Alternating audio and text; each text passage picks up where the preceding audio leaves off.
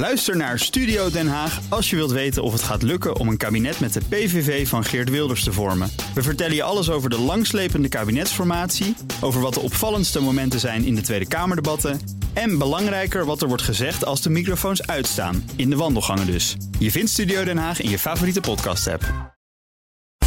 Tech Update. Stijn Goosens, goedemorgen. Goedemorgen, Bas. De geestelijk vader van de servicecomputers bij Microsoft, Panos Panay, verlaat het bedrijf. Ja, Panos Panay is de Chief Product Officer, of was moet ik eigenlijk zeggen, bij Microsoft. En werkte daar voor bijna 20 jaar. Hij is eh, de grondlegger van de Microsoft Service line-up. De, de computers, een beetje halve tablets die we kennen. Mhm. En sinds 2020 is hij ook verantwoordelijk voor het Windows besturingssysteem. Gisteravond eh, kwam mijn collega Mich Michiel Jurjens ook al met het nieuws in de Tech Update. En inmiddels is er wat meer bekend over zijn eh, vrij onverwachte vertrek. Eh, volgens eh, nieuwsmedia in Amerika zou hij namelijk een plek gevonden hebben bij Amazon. Oh. En daar zou hij als baas van de Amazon Echo en Alexa producten aan de slag gaan. Dat zijn de slimme producten, de slimme speakers van Amazon. En het interessante is dat dit vertrek niet alleen vrij onverwacht komt, maar ook nog op een raar moment. Namelijk een paar dagen voor het grote service-event van Microsoft. Komende donderdag 21 september staat die gepland. En daar staat dan normaliter Panay op het podium de nieuwe serviceproducten te presenteren. Eh, dit jaar dus niet meer. En dat is vrij, eh, eh, eerlijk gezegd, best wel jammer, vind ik. Want Panay die was best een, een soort meesterverkoper van de producten.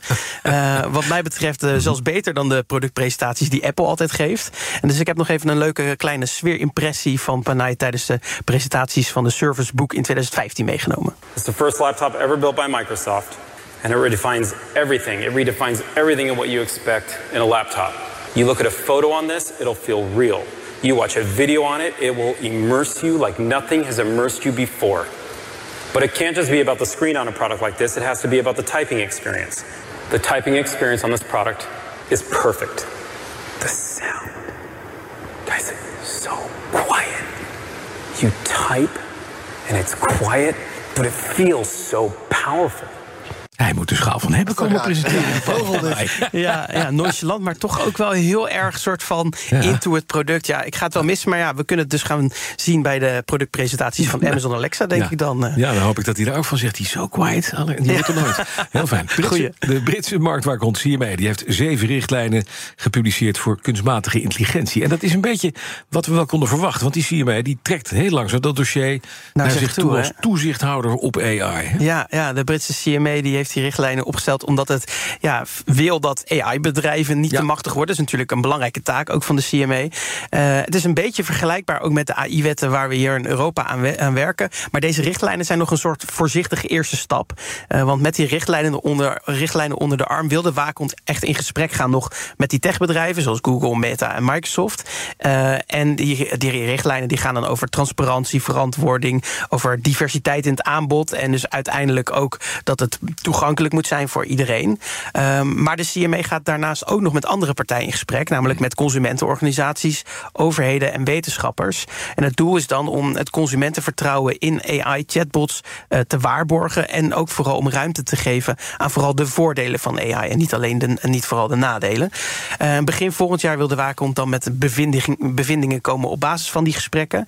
En dat zal dan later ook nog weer de basis zijn voor echte wetgeving die volgt, zoals ook in andere landen aangewerkt wordt. Ja. Ja.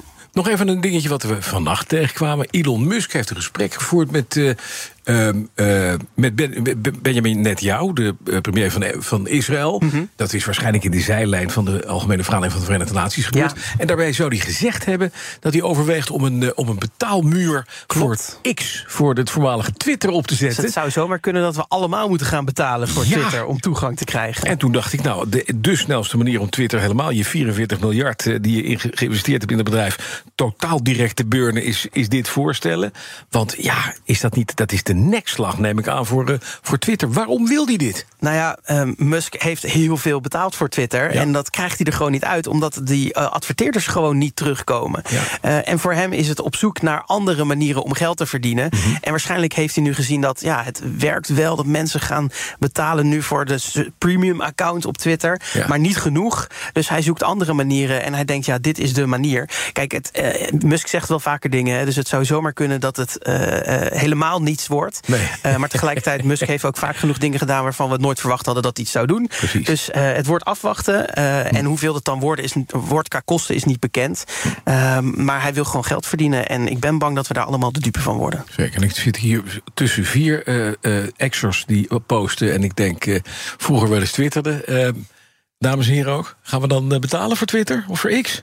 Nee. Absoluut niet, absoluut niet, absoluut niet. Dus, uh, en, er zijn weer vier, en er zijn weer vier klanten in de deur. Absoluut. Ja, we hebben, het consumentenonderzoek is reeds geschied. Met mij nog één. Met jou nog één. Stijn Goossens, dankjewel. De BNR Tech Update wordt mede mogelijk gemaakt door Lenklen. Lenklen. Betrokken expertise, gedreven resultaat. Ook Thomas van Zeil vind je in de BNR-app. Je kunt live naar mij luisteren in Zaken doen. De BNR-app met breaking news, het laatste zakelijke nieuws... en je vindt er alle BNR-podcasts, bijvoorbeeld Het Nieuwe Geld. Download nu de gratis BNR-app en blijf scherp.